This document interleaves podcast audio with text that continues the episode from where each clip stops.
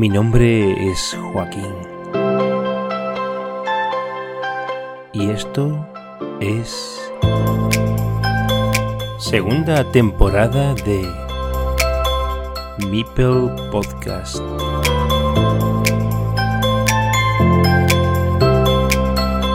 Welcome to Carcassonne.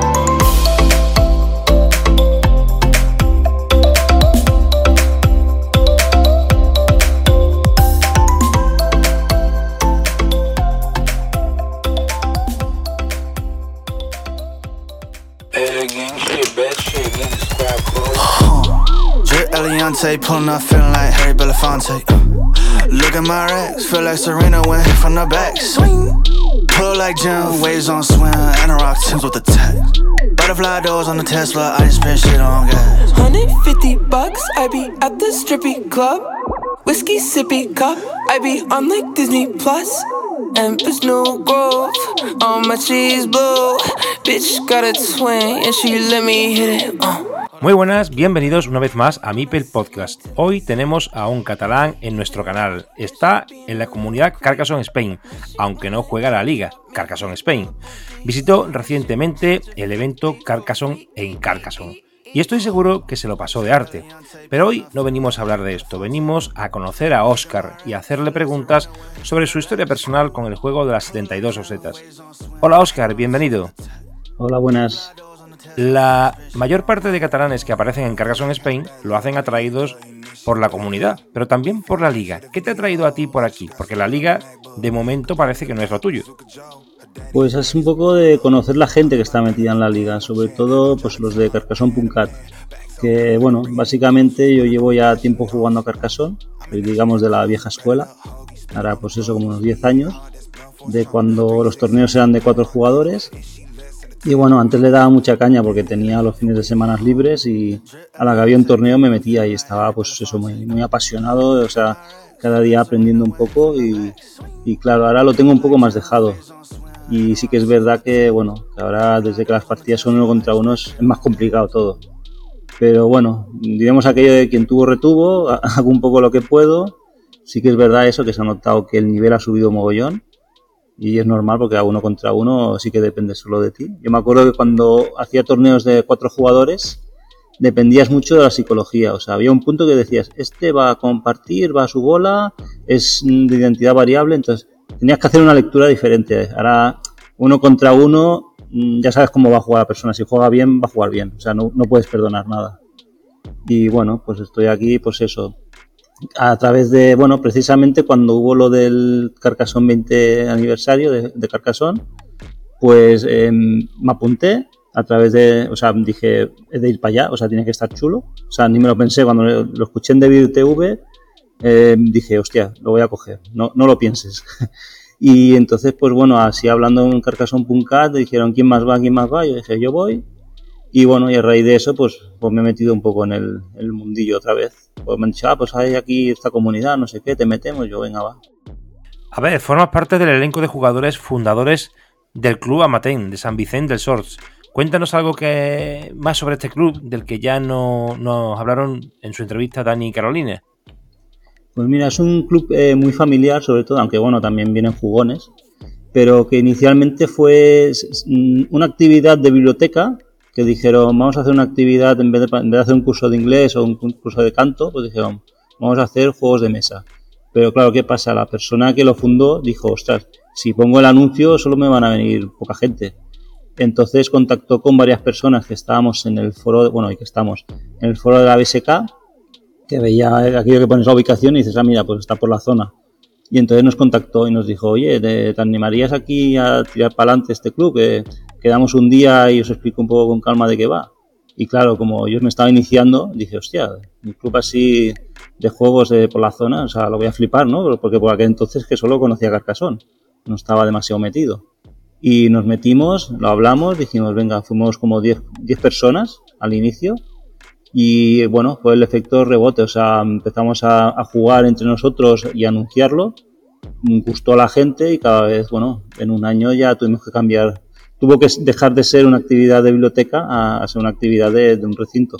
porque ya no cabíamos, ya hubo un problema de, espacio. A la que fuimos más de 30, ya hubo un problema de espacio.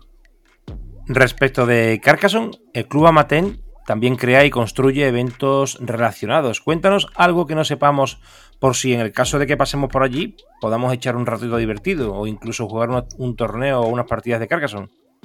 Pues sí, el Club Amaten ha organizado muchos torneos, sobre todo de pues, los que hace de de Catán y Carcassonne, y lo hace pues eso, porque como también de Vir lo facilita, y pues hay gente muy entendida, sobre todo Carcassonne, también Catán, entonces pues nada, pues pide cómo hacerlo y lo organiza. Y ahora sí que es verdad que hay como una dualidad. Desde que se creó Carcassonne.cat, eh, muchas cosas las, ya se organizan en nombre de Carcassonne.cat, aunque se organizan en el propio Club Amaten. Pero bueno, que históricamente eh, se han organizado en el Club Amaten. Y entonces, yo cuando me preguntan, queda como un poco difuminado de quién organiza el evento. Digo, pues no sé, porque como son los mismos, o sea, aunque Carcassonne.cat es mucha más gente, sí que es verdad que hay mucha gente metida en el Club Amaten. Entonces, pues, claro, lo que se, lo que se hace en el Club Amaten, yo que sé, torneo Carcassonne eh, San Vicente del Sors, pues, claro, eh, lo hace igual ahora, actualmente Carcassonne.cat, pero lo hace Club Amaten. O, no sé, la verdad es que si, me preguntas, digo, no sé quién lo ha organizado, pero están los mismos de siempre. Eh, bueno, eh, precisamente Carcassonne.cat organiza muchos eventos en el entorno metropolitano, diría, de Barcelona. ¿Has participado en algún evento desde hace años a esta parte y tienes algo reseñable al respecto, anécdota o historia? Pues sí, la verdad es que se han hecho muchos, muchos, se han organizado muchas cosas, porque también como dependemos de subvención del propio ayuntamiento, pues claro, quieren que haya asistencia y que se hagan cosas. Entonces, un poco estás como obligado a hacerlo. O sea, no puedes decir, no, este año no hacemos nada, porque, bueno, si no te van a decir, pues, ¿qué hacéis aquí, no? Entonces, pues sí, se, organizan muchas cosas. Hay datas muy señaladas, como le llamamos San Vicente dels Morts, que es como una, un juego de palabras, en vez de como, como, el lugar se llama San Vicente del Sors, pues en vez de decir huertos se dice muertos, pero bueno, es para Halloween básicamente. Y bueno, y aparte de esta, pues eh, se hacen muchas en, en, enero, también se hace las fiestas del, del, pueblo que se organizan, bueno, se hacen muchas cosas. Incluso hubo un año que es que, bueno, fue flipante, hicimos el, el torneo nacional de Cataluña, pero es que hicimos un evento que es que, bueno, fue muy grande, o sea, fue una cosa muy loca. O sea, después de hacerlo dijimos, ostras, o nos damos un descanso o, organizamos cosas un poco más pequeñas, pero aquel año fue, bueno, hicimos de todo. O sea, fue, fue flipante, es que ocupamos un, un colegio incluso, o sea, hacíamos tantas cosas que, que en, en, un recinto no cabía, tenía que ser mucho más grande. Ah, bueno, y otra cita muy importante del Club Amatén es eh, hacen la liga, o sea, una, las Olimpiadas de, de clubs. O sea, clubs de Cataluña, se contacta con ellos, quien quiere participar lo dice, y se hacen una especie de olimpiadas. De, se proponen unos juegos en concreto y la gente disputa entre sí. Y se acaba dando pues el primero un oro, el segundo una plata y el tercero un bronce. Y al final pues el que hace más oros pues ha ganado las olimpiadas que se organizan en un día. Hubo un año que creo que se hicieron en dos pero no, no acabó de funcionar. Bueno, funcionó pero que la gente que venía de fuera decía, ostras, que tengo que volver otra vez aquí y ahora, bueno, desde, entonces se organizan siempre en un día y la verdad es que fantástico, o sea, es una experiencia muy buena, la verdad. Y de hecho este año estamos flipando porque han venido gente de, muy lejos, o sea, ya hubo un año que vino gente de Tarragona, pero es que este año han venido gente de Big y, y de todos los lados, o sea, ha sido una cosa muy... El feedback es muy bueno, la verdad. Y eso que inicialmente se hizo pensándose para que el, la persona que ganase las Olimpiadas lo organizase el año que viene ellos. Lo que pasa que, bueno, como es es muy heavy organizar una cosa así, pues la persona, el club que ganó dijo que no iba a organizarlo y nos volvió a pasar el testigo. Y ahora ya se ha quedado como que somos nosotros los que lo organiza siempre. O sea, hubo una intención ahí de pasar la antorcha, pero no parece que todo el mundo tenga ganas de organizar, más bien de participar. Exacto, sí, porque además que se necesita mucha gente. Tú piensas, o sea, se necesita la gente que participe en sí, se necesita el local, se necesita, bueno, todo, o sea, los juegos, las copias, eh, árbitros, eh, también gente pues que está de recepción, gente igual. También hacemos como un mercadillo de tú traes los juegos que quieres vender segunda mano y te los ponemos ahí. Y si a alguien le interesa cogerlo, pues te lo compra. Y eso también tiene una organización muy grande, porque has de saber qué juegos de quién, cuál se ha vendido, eh, todo, vamos. O sea, es, es, muy grande, o sea, es que ya solo montar las mesas ya es tremendo. Eh, y solamente de Carcassonne.cat, los eventos que organiza de Carcassonne, ¿has participado en algún evento desde, desde estos años hasta ahora y tienes algo que contar? Pues eh, tuve la suerte, digo suerte porque como voy muy liado de, tiempo, o sea, poder participar en un torneo es como guau, es como lo, más, ¿no?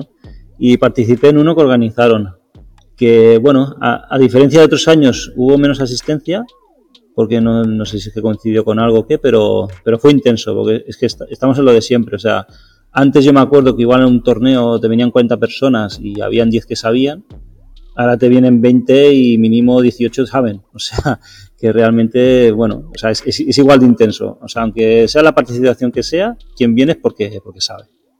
Y eh, me han chivado que ha sido campeón de 2016 de, de, de esa liga catalana, ¿no? Eh, sí, la verdad es que bueno, tengo un recuerdo muy bonito porque es, es, la época en que estaba muy metido, muy metido.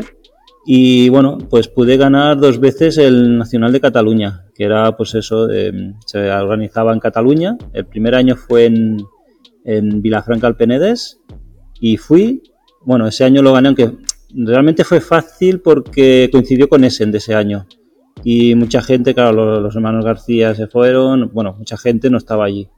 Y fue relativamente fácil, ¿no? Pero sí que al año siguiente, que ya entre comillas tenía la presión de un, sustentar otra vez el título, pues ahí sí que estaba toda la carne del asador. O sea, todo el mundo Además recuerdo que es que daban un premio de, 300 euros, o sea que, la verdad es que estaba disputado. ¿no?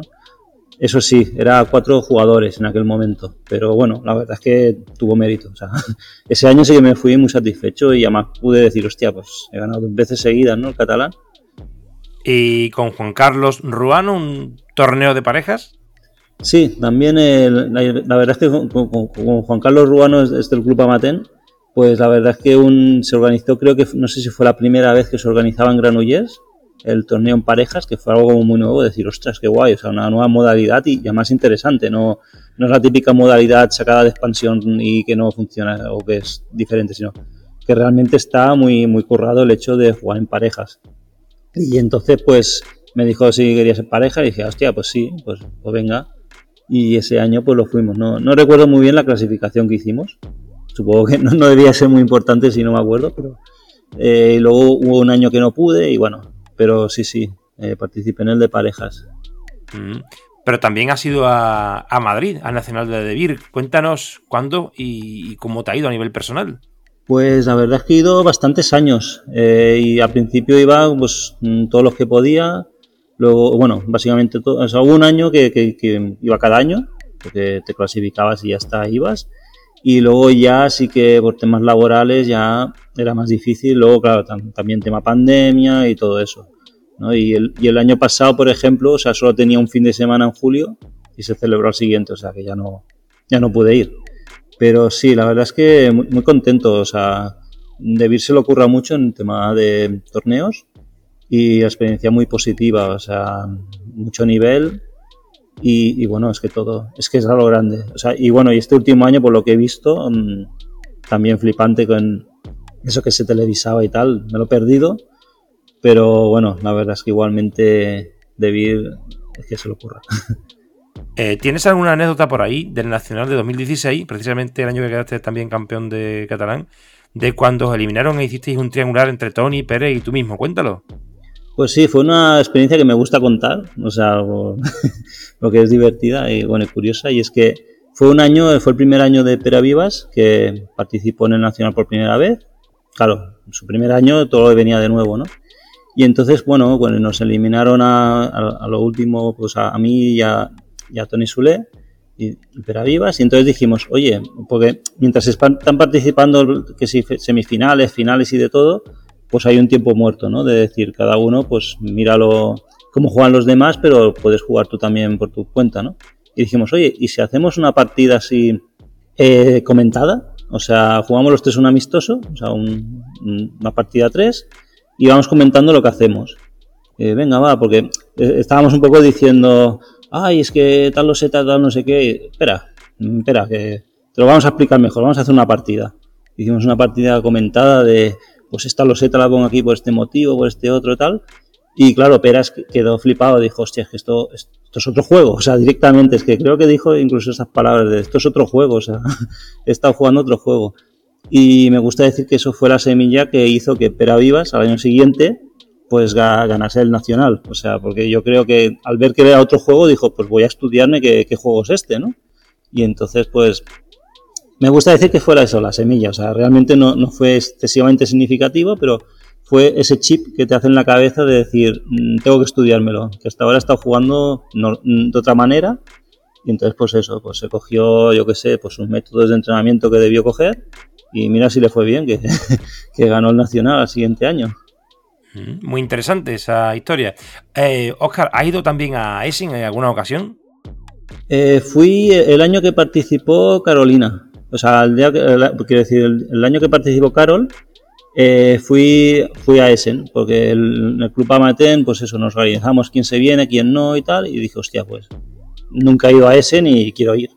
Entonces fui, además había pues eso, la motivación de animar a Carol, y la verdad es que fue flipante. O sea, yo me acuerdo, no, sé cómo debe ser ahora, porque es que ha llovido mucho desde que fui, pero esos son recintos que son como muchísimos salones del cómic, por decirlo así. O sea, son un montón de pabellones, todos llenos, llenos de cosas y con mucho saldo. O sea, sí que es verdad que no vas a Essen a comprar saldo, porque ya con el viaje ya no te sale la cuenta pero una vez estás allí es que dices, madre mía, o sea, ves un juego a 20 euros, luego a 15, luego a 12 y dices que me, están diciendo que me lo compre, ¿no? Porque cada vez es más barato. Y la verdad es que, bueno, es flipante, tal como presentan las cosas, cómo lo vive la gente, ves a gente normal de así, familias que juegan ahí apasionadamente a juegos que dices, hostia, no me imaginaba yo esta gente jugando a juegos de este corte, ¿no? Y es una cosa casi cultural, una, una cosa cultural que dices, madre mía, o sea, ojalá estemos así aquí, Hace poco indagué un pelín a, Oscar Mendíez pero, para una entrevista, pero no, no vamos a tener la oportunidad de oírlo, al menos por el momento. A ver si se anima. Pero al respecto de él y de ti, guardas una historia curiosa, ¿verdad? Sí, la verdad es que en los torneos, eh, cuando yo estaba así muy a full y él también estaba a full porque él lleva de mucho más tiempo jugando y dándole caña, ¿qué pasa? Cuando llegamos a los torneos, eh, normalmente te, te organiza por el nombre y la, y la primera inicial del apellido. Entonces, ¿qué pasa? Que los dos éramos Oscar M. Porque él es Oscar, Oscar Méndez y yo Oscar Mazabé. Y entonces cuando llegaban a un momento en que la organización decía, en esta mesa número 3, eh, pues Oscar M. Y siempre decíamos, ¿cuál de ellos? Porque siempre nos pasaba. Llegó un momento que ya nos mirábamos y decíamos, vamos a tener que decirlo de cuál de ellos. Y al final pues era gracioso porque muchas veces éramos Oscar Ma y Oscar Me. O sea, porque como el tema iba de iniciales, pues era el MA, o sea, empiezan por M, que hay Oscar M2, pues venga, pues Oscar MA. Entonces, Oscar M, vale, ya diferenciados. Y la verdad es que, bueno, es una anécdota muy graciosa.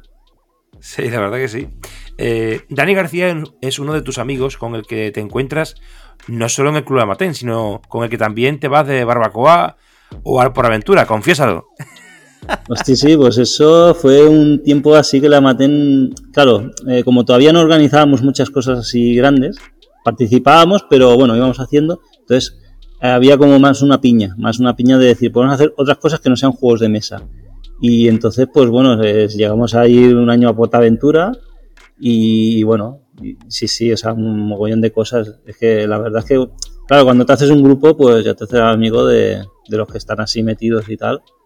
Y sí, sí, muchas actividades.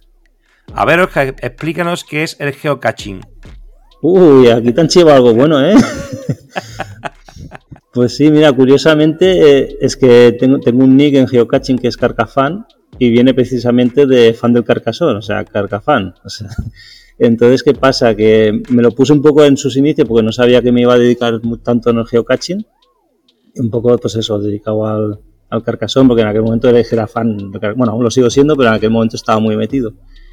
Y bueno, pues el geocaching es, eh, se podría definir como la búsqueda del tesoro. Es decir, es una actividad eh, que te hace recorrer el mundo con la excusa de que vas a buscar eh, un tesoro, un tesoro ficticio, porque si no desaparecerían. Pero el tema está en que tú vas a un sitio marcado por coordenadas, que es un punto preciso, y básicamente tienes que buscar un, objeto que contenga un papel y que ha escondido a alguien. O sea, normalmente es un tupper, ¿vale? Pero básicamente tienes que buscar algo que hay un papel, tú cuando lo encuentras, lo firmas y, has vivido la experiencia, ¿no? ¿Y qué pasa? Que hay mucha tipología de tesoros. Los hay que están camuflados como si fuesen las películas de James Bond, en plan el microfilm secreto, ¿no? Hay otros que son más sencillos, pero que te llevan a un lugar idílico.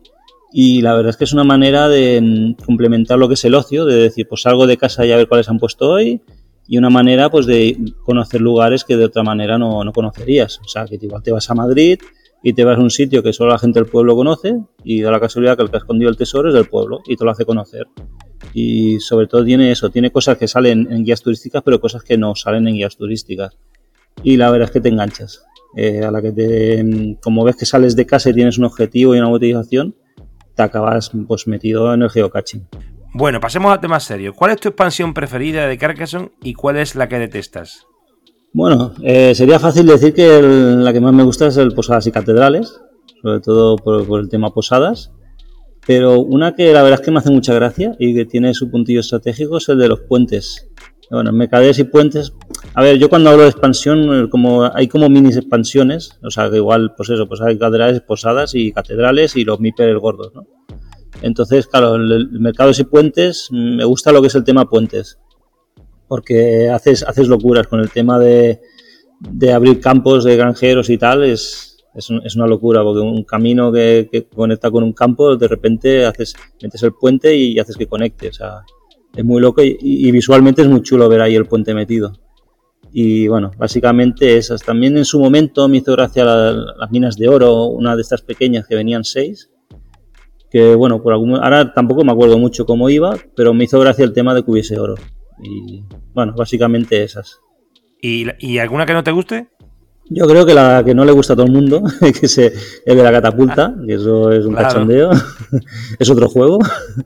Y bueno, la que tampoco me acaba de gustar demasiado es la de la princesa del dragón, porque es un poco aleatorio que venga el dragón y te, te lo reviente todo, ¿no? Es como, bueno, o sea, sí que puedes calcular el estar lejos, pero si te lo quieren acercar, te lo acercan. Y no me acaba de motivar demasiado la torre está más enraizada en la loseta donde, de donde procede la torre, pero el, claro, el, dragón lo que pasa es que se puede mover en función de donde salga el volcán, pero tiene también su punto estratégico. A Samuel le encanta y para mí es la mejor expansión, pero claro, para, para gustos colores, ¿no? Sí, igual tampoco me la he mirado demasiado. Igual el tema de, pues eso, muevo el dragón y todos movemos el dragón para allí. Claro, igual a dos cambia, ¿no? Pero como las expansiones siempre las juego con varias personas, o sea que dicen, vale, me han movido el dragón, ¿cómo la alejo, no? Pero sí que es verdad que el de la torre sí que me gustó. Porque sí que es un punto, tienes que evitar como la cruz, por decirlo así, ¿no? Es decir, ¿por dónde crezco? Si me han metido aquí una torre, me lo van a secuestrar, ¿no? Y el tema este de como intercambio de rehenes, ¿no? De yo tengo tu MIPE, ahora tú tienes el mío y eh, tiene más rollete, sí. En cualquier caso, haciendo un símil con, con la, afirmación de Pérez de que era otro juego en referencia a bueno al hecho de que eh, la visión cuando hablabas con otras personas respecto de las jugadas tácticas o estratégicas que se realizan pues era otro juego también es otro juego diferente jugar con o sin expansiones pero a partir de más de dos personas porque claro eh, hay un componente muy estratégico cuando es uno versus uno da igual que le metas una que de tres expansiones y en cambio cambia una barbaridad cuando ya son más jugadores, porque ahí eh, eh, implica que hay varios turnos y hasta que llega a ti la complicación puede ser curiosa. Sí, la verdad es que sí, a más jugadores el juego cambia, o sea, tienes que enfocarlo de otra manera. Es eso, cuando te llega el turno, bueno, también pones menos losetas, si es expansión hay más losetas, se te pueden acabar antes los meeples, también está el tema, yo a veces me ha pasado en torneos, que viene un jugador y dice, ay, es que estoy acostumbrado a jugar a expansión y eh, estoy acostumbrado a que salga una roseta y aquí no sale. Y te digas, ostras, tío, no sé, no vengas al Nacional. Pero bueno, no sé, que, todo el mundo puede hacer lo que quiera, ¿no? Pero que, sí que es verdad que así te das cuenta que si estás acostumbrado a una expansión es, otro tema porque hay, hay más turnos, hay losetas nuevas y bueno, y hay maneras diferentes de puntuar que se han de tener en cuenta. Bueno, cuéntame qué juegos te llevarías a una isla desierta y por qué. Uf, ah, pues no tendría que pensar. Claro, también habría que pensar si es una isla desierta y estoy solo. Bueno, entiendo que estaré acompañado. Pero, ostras, es que no sé, la verdad es que tendría que pensármelo porque, claro, supongo que el hecho de estar en una isla desierta ya de por sí no sé si tendría ganas de jugar mucho. y si tendría que enfocar eso en juegos más solitarios o, qué tipo de juego, ¿no? Pero bueno, supongo que diría pues los que más me gustan, ¿no? O sea, un juego que me encanta es el Pandemic, porque es, me flipa mucho. De hecho, en su momento también hubo un punto que estuve muy metido e incluso se llegó a, a plantear el hecho de hacer torneos de Pandemic. Lo que pasa que no acabaron de funcionar, porque la idea era muy buena, todo el mundo jugaba a la vez, una misma partida con unas mismas eh, cartas que iban a salir a todo el mundo igual, y era una especie como de final de todos los participantes hacían una especie de final y se puntuaba pues eso quién quién había desencadenado menos pandemias quién descubría todas las curas antes. Lo que pasa que no acabó de funcionar porque requiere que cada mesa tenga un árbitro y que todos los árbitros se sepan del dedillo el juego porque a la que un árbitro aunque unos jugadores hagan algo que no es debido sin darse cuenta ya es que bueno podías ganar la final o sea y claro, no acabó de funcionar. Pero bueno, la experiencia fue chula. Y bueno, básicamente eso, el pan de mí me, me flipa. ¿A quién te gustaría escuchar en mi Podcast? Pues a quién me gusta. Es que claro, como tampoco estoy muy metido de, de quién se ha escuchado, pues no sé, claro, yo diría pues a los amatens. Porque son los así los que conozco más. Dime un nombre. Mm, pues no sé, claro, tendría que ser que juega Carcasones, que seguro que, que han salido todos ya. Entonces, seguro que no. A ver, ¿al Bourdois lo habéis entrevistado? Sí, sí, Bourdois está ¿Ves? entrevistado. Está. pues el resto Pero bueno, que... alguno con el que ha jugado algún torneo de parejas o alguna persona más por ahí del club Amatén seguro que no ha sido entrevistado. Pues sí, yo diría pues eso, a Juan Carlos Ruano, diría a Carol, que seguro que la habéis entrevistado. A, ah, también, sí. A Dani. Sí, no sé. Es que, Vamos a quedarnos que... con Juan Carlos. Vale, perfecto, sí, sí. sí, porque lo tengo pendiente, pues aprovecho. Ah, pues mira, mira, me ha extrañado y todo que esté pendiente, porque con lo metido que está él en, en todo esto. Bien. Eh, bueno, si alguien nos oye en el entorno de Barcelona o de San Vicente, eh, podría estar interesado en visitar vuestro club. Dinos cuál sería la ubicación física y qué otros medios de contacto o de información disponéis. Pues estamos en, el carril Albacete sin número, en San Vicente del Sors. Básicamente es una antigua escuela que ya no hace de escuela, pero que han aprovechado el edificio para hacer cosas culturales y está justo enfrente de, de, la policía, de los Mossos de Escuadra. Entonces, pues bueno, se llega fácil ahí la estación de ferrocarriles de la Generalitat, que es de Can Ros, que está pues a unos 5 o 10 minutos, depende del ritmo de la persona y nada, y hay parking de sobra porque, porque hay sitio para aparcar. Y de momento estamos ahí, llevamos ya mucho tiempo allí puestos. Mm, No sé si nos van a reubicar, pero en principio estamos ahí. Eh, muy bien. Pues Óscar Machabé, carcasonero catalán, miembro de Carcassonne Spain desde hace poquito, del Club Amatén, vieja gloria, aunque más vieja que gloria, según tus propias palabras en un mensaje que me enviaste. Sí, He sí. estado encantado de tenerte aquí en, en, este espacio, de verdad. Muy bien, a mí también de participar. Mm. Y nos vemos pronto, aunque no vamos a decir por qué. Va a ser una sorpresa y, y bueno, ya lo verá, ya lo escuchará la, la audiencia. Que vaya todo bien y larga vida al Club Amatén. Muchas gracias, a vosotros también, larga vida. A los oyentes, nos vemos en el próximo episodio.